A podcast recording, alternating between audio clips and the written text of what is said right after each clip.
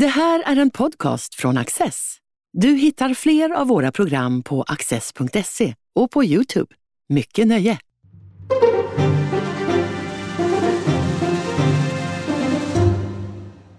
Välkomna till Studio Access.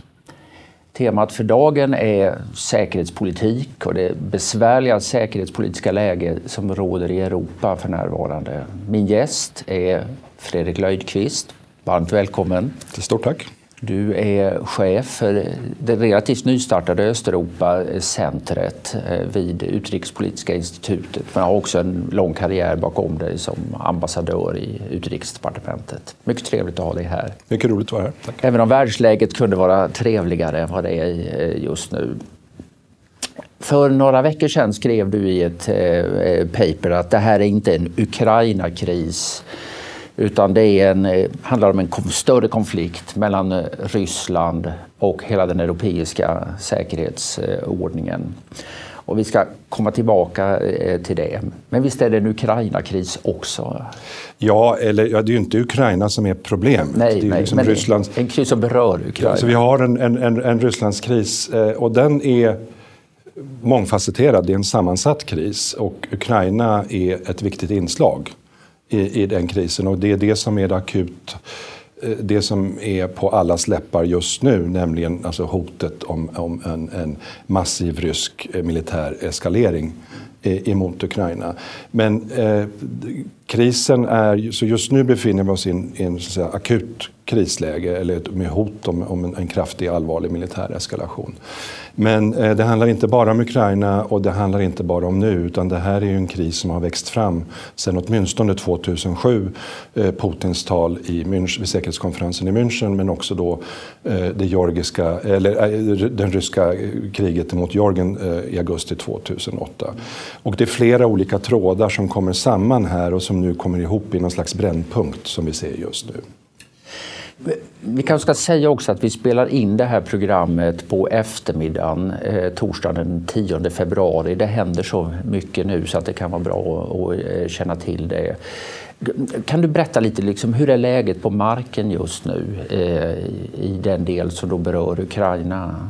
Ja, vi, vi har sett eh, under hösten och egentligen som började i våras men sen som lugnade ner sig lite under sommaren. Det är ju en massiv militär uppbyggnad längs Ukrainas gränser men också inne i Ukraina, det vill säga på Krim som Ryssland eh, illegalt annekterade 2014 och de av, av ryskkontrollerade trupperna eh, i, i, i Donbass förekommer också en uppbyggnad. Och den har varit systematisk eh, eh, under nu ett par månader, flera månader.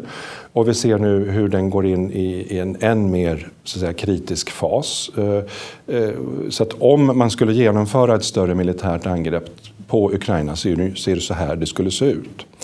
Och det här handlar då inte bara i sydöstra Ukraina, alltså de gränsande områdena till Donbass som vi har sett tidigare, utan det finns också stora ryska truppansamlingar Eh, nord, eh, um, eh, alltså mer, mer nordöstra området. Det pågår också då en övning mellan den 10 och 20 februari. En belarusk-rysk massiv militärövning där man har fört in stora mängder rysk trupp och materiel in i Belarus. Och vi ser också samtidigt nu att det genomförs omfattande Eh, marina flottövningar med Svarta havsflottan med bland annat omfattande ryskt landstigningstonnage. Och man har också avspärrat eh, tre stora områden eh, för, alltså man ska ha, ha skarpskjutning eh, eh, och det har man rätt att göra så att säga, men det är väldigt omfattande områden som också i princip stänger av stora delar av den ukrainska kusten för, för handel och annat. Ukraina, vad, vad har det för motståndskraft idag? Ja, Ukraina eh, eh, om vi går tillbaka till 2014 när den här då militära konflikten eh, inleddes eh, så eh, tror jag redan då, då hade i princip Ukraina ingen fungerande armé. Eh, eh, och eh, det är rimligt att anta att Putin och Kreml gjorde en ganska allvarlig missbedömning. För Ukraina visade sig vara betydligt mer motståndskraftigt än vad man hade trott. Både, både i termer att man kunde mobilisera frivilligförband och, och militärt motstånd men också i, i, i befolkningen. Eh, och sen dess det har vi snart upplevt åtta års krig eh, med, med, fler än 14 000 döda.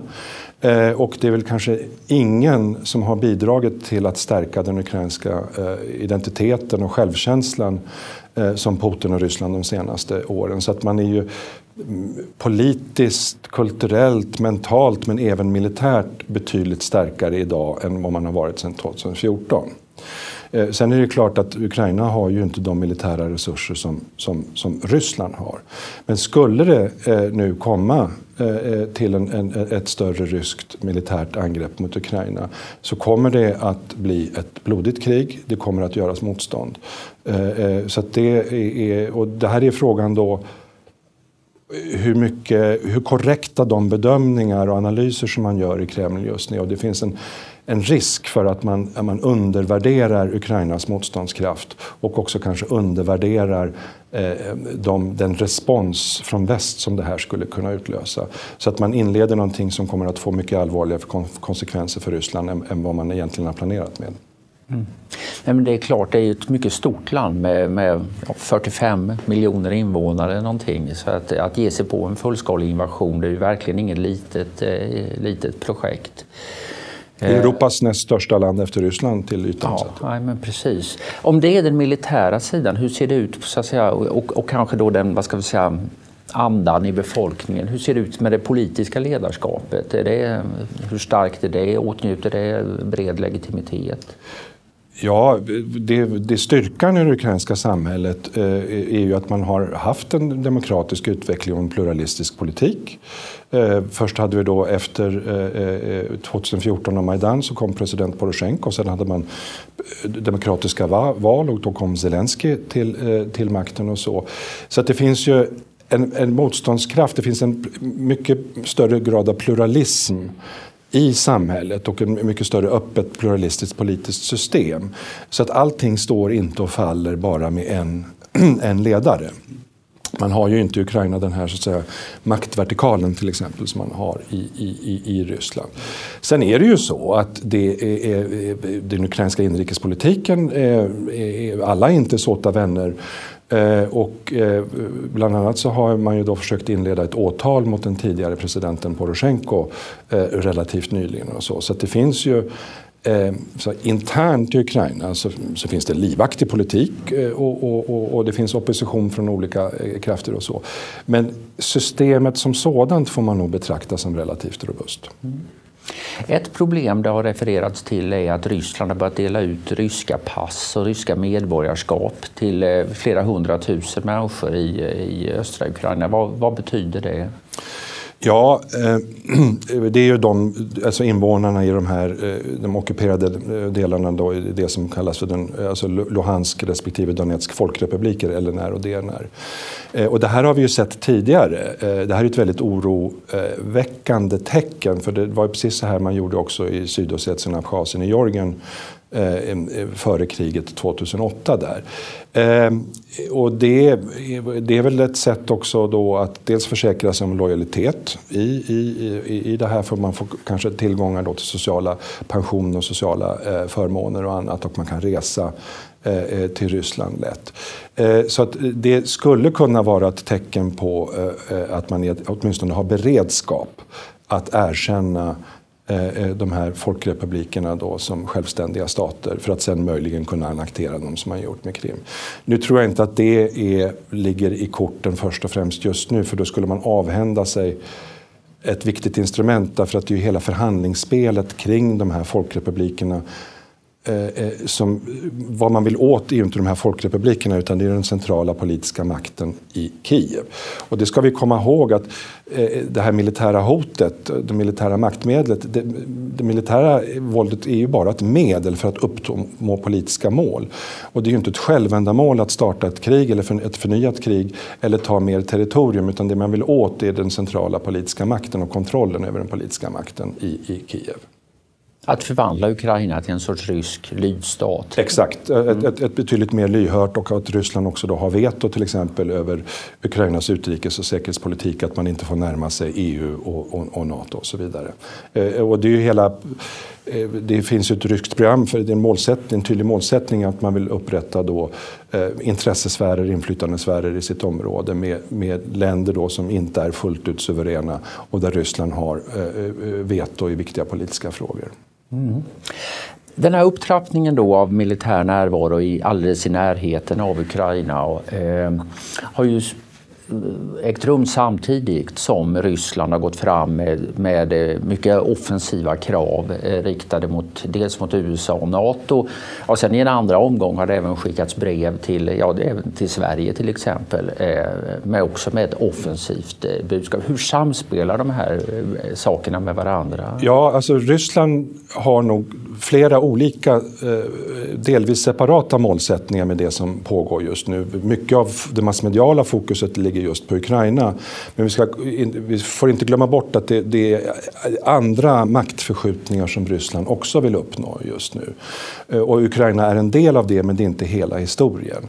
Eh, och precis som du nämner så la man ju fram en ganska omfattande kravlista med ultimatum som är väldigt långtgående och som man ju också vet från början att de inte kommer att vara eh, acceptabla för, för väst i, i mitten av december. Så det Ryssland nu försöker åstadkomma, eller Kreml, det är ju att en, en, en strukturell, mer permanent eh, alltså, skifte i de tektoniska säkerhetspolitiska plattorna i Europa till Rysslands fördel. Det handlar dels om att man vill uppnå det här, alltså inflytandesfären eh, över grannländerna och då är Ukraina det särklass viktigaste landet men det handlar också om Belarus, Georgien, Moldavien och så vidare. Eh, det andra är då eh, att man vill ha en ny en ny säkerhetsordning eller vad man vill komma bort från den existerande säkerhetsordningen ordningen som har rått i Europa sedan, eh, sedan eh, kalla krigets slut. Som bygger på folkrätten men viktiga då eh, principer från OSSE, Organisationen för säkerhet och samarbete i Europa från Helsingforsslutakten 1975 och Parisstadgan från 1990 där det finns viktiga principer om suveränitet, territoriell integritet, varje lands rätt att självständigt göra säkerhetspolitiska val. Till exempel exempel om man vill vara med i en allians eller inte. Eh, det är, en, an, det är en, en, annan målsättning och den har ju långtgående konsekvenser eh, för, för, även för Sverige och hela Europa och hela säkerhetsordningen vi har i Europa. Och ett tredje inslag i det här är att man då vill ha förskjuta till rysk fördel den militära, eh, både strategiska och konventionella maktbalansen i Europa. Och det är tydligt uttryckt i den här kravlistan bland annat. Så man vill uppnå flera olika saker samtidigt. Det finns olika mottagare Eh, av de här budskapen. Eh, men jag tror att det är viktigt att vi förstår att det här handlar inte bara om en konflikt mellan Ryssland och Ukraina som kanske ligger lite långt bort och inte kommer att påverka oss så mycket, även om det är obehagligt om det blir krig i Europa. Utan det här påverkar hela den eh, säkerhetspolitiska ordningen. Och kan vi i Sverige inte lita på att principer om territoriell integritet, gränsernas okränkbarhet eller suveränitet gäller för ett land som Ukraina, hur kan vi veta att det gäller då för andra delar i Europa, i vårt eget närområde eller också för oss själva?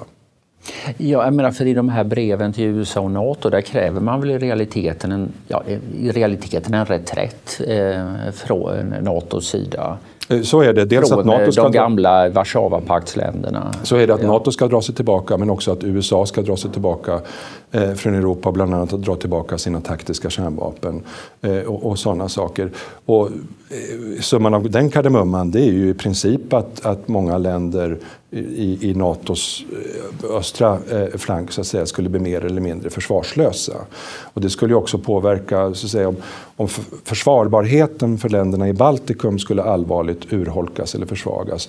Då skulle också försvarbarheten för hela Östersjöregionen och också Sveriges eh, försvarbarhet urholkas. Så det är ett system som hänger ihop allt det här.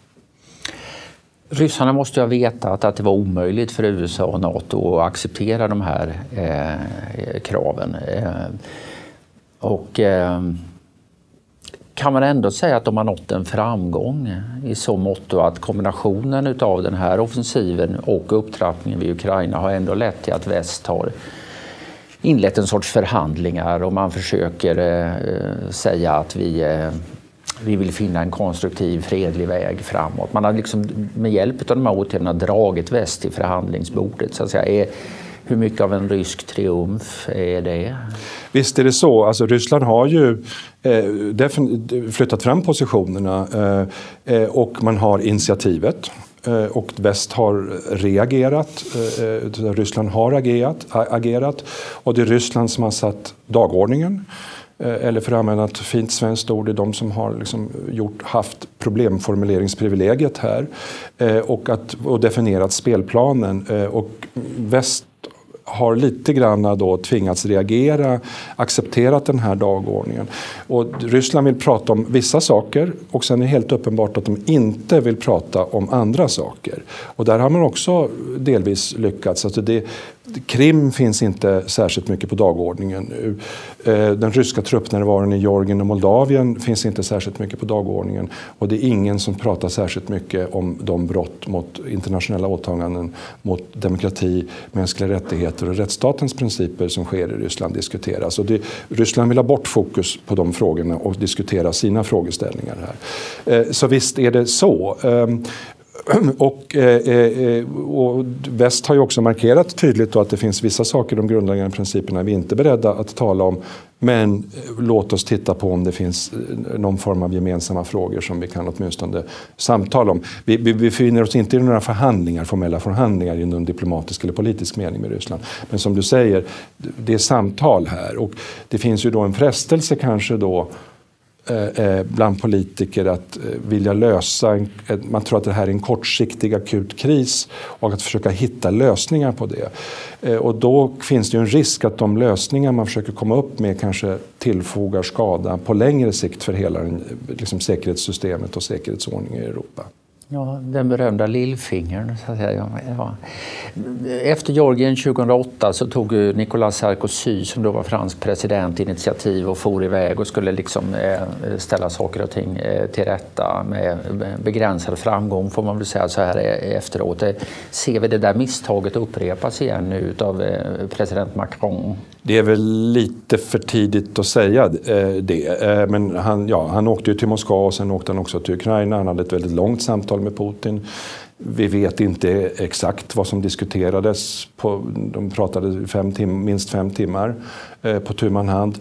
Eh, och ingen deras sidan har varit särskilt meddelsamma exakt i substansen vad man diskuterade där. Eh, och det är klart att eh, Macron ser väl en, en, möjlighet här att rycka åt sig ledartröjan i Europa för att vara så att säga first point of contact i förhållande till, till Putin och Kreml efter Merkels avgång. Och han har också presidentval här i Frankrike senare så det kan också finnas så att säga, inrikespolitiska dimensioner på Macrons agerande. Men sen är det ju också samtidigt så att Frankrike är Eh, ordförande i EU just nu. Mm, det är sant. Um... Du nämnde eh, den här, den, varje år ordnas en stor säkerhetskonferens i München. Eh, den äger rum om en, ja, någon vecka, eh, årets upplaga. Men 2007 höll då Vladimir Putin ett, eh, ett anförande där han väl på sitt sätt förutskickade eh, vad som nu har hänt och i alla fall eh, klargjorde att det var den ryska hållningen. 15 år har gått, så att säga. Hur har väst skött den betänketiden? Ja, eh, två, alltså kriget mot Georgien 2008 borde kanske ha varit en tydligare väckarklocka än vad det faktiskt var. Eh, sen måste man ju säga då att eh, den ryska militära aggressionen mot Ukraina och annekteringen av Krim sedan 2014 har ju varit en, en, en, en, en betydande väckarklocka i väst och det har ju också påverkat svensk försvarspolitik och försvarsberedning och, och försvarsbeslut och så vidare. Eh, men det har alltid funnits en tendens kanske att tro att ja, men nu har vi kanske hittat ett nytt normalläge. Eh, och vi är beroende av rysk energiimport och annat och, och vi kan, det kanske inte var så allvarligt det här och det var något, det kanske bara berörde Ukraina och det var lite oklart. Det, det kanske var något inbördeskrig där och Ukraina har lite konstig historia och så vidare. Så att, det har ju funnits tendens ibland kanske att vilja bortförklara eller förminska betydelsen av, av det som har hänt. Eh, och nu är vi ju påminda i, i full kraft, alltså i kombination av att alla de här trådarna nu dras samman i kombination med en massiv militär upptrappning och ett, ett väldigt eh, eh, eh ultimativt aggressivt politiskt agerande och retorik de, de, de senaste månaderna. Här. Eh, så att jag tror nu är, har ju alla väckts till liv igen. Och jag tror att en av anledningarna till att det här sker nu, det är att man har gjort bedömningen i Kreml att USA, Biden-administrationen är försvagad, inrikespolitisk splittring och man hade det tydligt uttalade målet att Kina skulle vara eh, eh, det viktiga utrikes och säkerhetspolitiska fokuset och man ville ha det man kallade för stabila och förutsägbara relationer till Ryssland. Någon kallade det att man ville parkera Ryssland så att säga. Nu är det helt klart att Ryssland låter sig inte parkeras eller Kreml låter sig inte parkeras. Hur ser den, den ryska strategin ut? Eh, vad är det man hoppas kunna uppnå? Eh, man, alltså, ja, man kan säga att det här eh, kraven gentemot Nato det, det, är ett sätt att formulera målsättningen. Det finns väl förmodligen också en kanske lite mer realistisk bild av vad som går att uppnå genom den här eh, aggressionen. Ehm, Eh, har du en idé om vad du, vad du tror att de verkligen hoppas på? I, ibland hävdas ju att, att Ryssland är gåtfullt och mystiskt och det är lite svårt att förstå vad Putin vill uppnå. Ja, Churchill sa något om Ja, och ja. det där eh, tror jag bygger på, på ett missförstånd därför att det är bara att lyssna på vad han och den ryska ledningen säger. Alltså, deras långsiktiga strategiska målsättningar råder inga som helst tvivel om. Eh, de vill säkerställa eh, regimsäkerhet i Ryssland. De vill få bort frågor som rör demokrati och mänskliga rättigheter från dagordningen. De vill ha inflytande Sverige, de vill ha en ny säkerhetsordning i Europa. Däremot, så säga, hur man taktiskt, operativt agerar för att uppnå detta. Där är Ryssland traditionellt eh, och är fortfarande väldigt skickliga på att skapa otydlighet och osäkerhet vad man kommer att göra härnäst. Eh, och de, det, är, det, är, väl en del av det här att de vill att vi ska spekulera och gissa och, och, och leva i osäkerhet. Eh, jag tror, eh, och jag tror att Putin och Kreml är fullt rationella eh, politiska aktörer. De agerar utifrån ett annat värdesystem, andra värdekoordinater än vad vi gör. Eh, och jag tror också att de eh, agerar, det finns många optioner, det finns många scenarier och man håller så mycket öppet så länge det går för att behålla den maximala handlingsfriheten. Eh, eh så det är inte säkert att det finns ett slut, slutgiltigt beslut till exempel om ett storskaligt militärt angrepp mot Ukraina som är fattat än eller inte. Och när, om och när det beslutet fattas kommer det fattas i en väldigt, väldigt liten krets. Eh, det hävdas ju då att eh, de som satt i rummet när eh, angreppet mot Ukraina beslutades 2014 att det var fyra personer i stort sett som var i det rummet.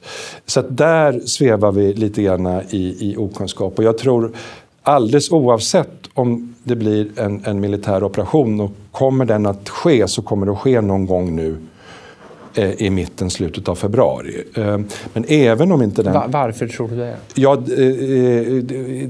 det, kan, det kan vara... Dels så ser vi nu hur man går in i slutfasen i tillföra manskap och sådana saker. Så att nu i dagarna och inom kort så kommer man vara beredd att kunna inleda ett sånt här anfall. Sen kan du inte hålla trupp och manskap hur länge som helst. Eh, I, i liksom förhöjd stridsberedskap. Eh, men det vi har sett de senaste dagarna är att man nu sprider ut och man närmar sig gränsen. Man har haft stora läger som ligger lite längre bort. De töms nu och man flyttar materiel och manskap mot, mot gränsen. Vi har en stor militär övning då med Belarus mellan den 10 och 20. Vi har den här eh, marinövningen i Svarta havet. Eh, och man kanske vill vänta tills att olympiska spelen går mot sitt slut. Och så. Och sen finns det en del som spekulerar spekulerar i det här med, med, med väder och vind och kyla eh, och sådana saker, att det måste vara frusen mark och så. Det är det inte just nu för det är, är, är plusgrader. Och det där finns det lite olika teorier om hur viktigt det är. Att man inte ska fastna i leran så att säga, på vägen. Ja. Eh, det, det är många som spekulerar just i det här storskaliga markanfallet, att man går in med stridsvagnar och, och infanteri och så. Det är ju fullt möjligt att man skulle kunna inleda ett stort militärt anfall med, med fjärrbekämpningsvapen, alltså från luften, eh, från artilleri och från, eh, alltså från fartyg i Svarta havet. Och man skulle kunna göra en slags chock and attack där man, där man så säga, tar bort viktiga infrastruktur, alltså militär infrastruktur, beslutsfattande, bara ett väldigt hotfullt och sen kan man göra en paus. Det behöver, ett anfall behöver inte inledas så att man rullar in med massiva stridsvagnskolonner över gränsen. Och man bedömer att de sanktioner och motåtgärder som kan komma från väst inte är värre än att man kan tåla dem? Jag tror att det är någonting som man nu allvarligt överväger att titta på i, i, i, i Moskva. Jag tror igen, de är, det är rationella aktörer. Ehm, eh, eh, eh, och det här finns ju en osäkerhet hur allvarligt det här kan bli. Och det, det, finns ju av det som ryktas eller det som har spekulerats kring vad ett sanktionspaket västligt skulle se ut. Alltså med EU, Storbritannien och USA. Man, de olika aktörerna kommer att ha lite olika sanktioner. Eh, eh, men att det kanske har en viss avhållande effekt. Eh, så att, och det finns en, del inslag i dem som skulle slå väldigt hårt, hårt mot Ryssland om de skulle genomföras. Samtidigt kan det vara så, igen, det här fattas i en väldigt liten krets och då kanske mer lång till medelsiktiga ekonomiska konsekvenser spelar mindre roll och det kanske mer Eh, man tänker i, i världshistoriska termer eller framåt och Putins roll i historieböckerna och så. Och då kanske de här ekonomiska övervägandena väger lite lättare. Generellt sett så har det varit så i, i rysk utrikespolitik att säkerhetspolitiken trumfar ekonomin. Eh, om vi ska avrunda eh, så kan vi göra det med frågan återvända till hemmaplan så att säga. Vad, vad betyder det här för Sverige vad tycker du att eh, ja, framförallt Sverige, svenska regeringen bör göra i det här läget? Ja, som jag sa, alldeles oavsett om det blir eh, en förnyad militär aggression eller inte så påverkas ju Sverige av det här. Ryssland har använt militärt våld för att uppnå politiska medel. Eh, och om man fortsätter göra det så skapar ju det ett, ett, ett väldigt allvarligt säkerhetspolitiskt läge i Europa. För då kanske man tycker att incitamentstrukturen, det här har ju gått bra och de är framgångsrik och då kanske man vill prova det någon annanstans igen. Och samma sak om de här principerna då om, om territoriell integritet, suveränitet och varje lands eh, rätt att fatta självständiga val urholkas och påverkar det, det eh, även Sverige. Och det säkerhetspolitiska läget eh, har ju för, försämrats också för, för Sverige och Öster, Östersjöregionen. Nu håller jag på med Öster, utrikes och säkerhetspolitik. Jag håller på med Ryssland och Östeuropa så jag uttalar mig inte så gärna om, om svensk politik. Utan slutsatsen av detta överlåter jag till andra att dra. Men Sverige bör agera i nära samarbete med andra västliga ja, partnerländer? Det är ju väldigt viktigt eh, och här som regeringen brukar säga att EU är vår viktigaste utrikespolitiska plattform. Och det är väldigt viktigt att EU och väst, också den transatlantiska länken, kopplingarna till både Storbritannien och USA, att man uppvisar en stor enighet och det har ju i sig en viktig avskräckande effekt. Det verkar vara betydligt bättre bett i de brittiska reaktionerna än i de europeiska eller e, ja, EU-reaktionerna. Hur mycket har det med Tyskland att göra? Ja, och hur mycket har det med Storbritannien att göra? Och nu är det ju då brittiska utrikes och försvarsministrar och andra som mest har varit på bettet. Premiärministern är ju som bekant upptaget med en del andra ja. Eh, frågor. Eh, men det är klart att regeringsskiftet i, i Tyskland och det faktum att man nu har en trepartikoalition som kanske inte riktigt har rätt ut alla eh, begreppen än om hur man vill bedriva Rysslands och Östeuropapolitiken bidrar ju, åtminstone från RISs perspektiv, att man kanske ser ett möjlighetsfönster här. Att man uppfattar att Tyskland är försvagat eh, eh och så vidare. Det är Men, ytterligare en, du talar om den amerikanska försvagningen. Det är lite oklarheter i, eh, i det tyska styret också. Det är, Presidentval i Frankrike, Brexit. Så ja, från RISs perspektiv där, ser man ett försvagat Det är klart att om vi tar München 2007, om det förutskickar alltsammans, så är ju frågan förstås, det är kanske den vi ska sluta med. Är det därför det händer just just nu? Ja, för att Ryssland ser, Kreml uppfattar att det finns ett möjlighetsfönster att man dels själva är starka och förstärkta och att väst är försvagat. Och man ser också kanske att Ukrainas försvarbarhet, militära förmåga håller på att byggas över tiden. Så ska man genomföra en militär operation mot Ukraina så kommer det fönstret att stängas eh, någon gång och då kanske det är bättre att göra tidigt än sent. Samtidigt så tror jag vi får vara lite försiktiga med att dra för snabba slutsatser. Jag tror att den samlade västliga reaktionen och inte minst från amerikanskt håll har ju ändå de senaste två, tre veckorna visat sig vara förvånansvärt stark. The proof of the pudding is, vad heter det? In the eating. In, in the eating. Ja. Så att, eh, låt, oss, ja. låt oss kanske avvakta med några slutgiltiga omdömen om, om, om västs beslutsamhet och, och, och förmåga att handla här. Som så ofta får framtiden utvisa vad som händer. Fredrik Löfqvist, stort tack för att du har varit här. Väldigt roligt att få vara här. Och tack till er för att ni har tittat. Du har just lyssnat på en podcast från Access. Du vet väl att vi också är en tv-kanal och tidning? Teckna en prenumeration idag på access.se.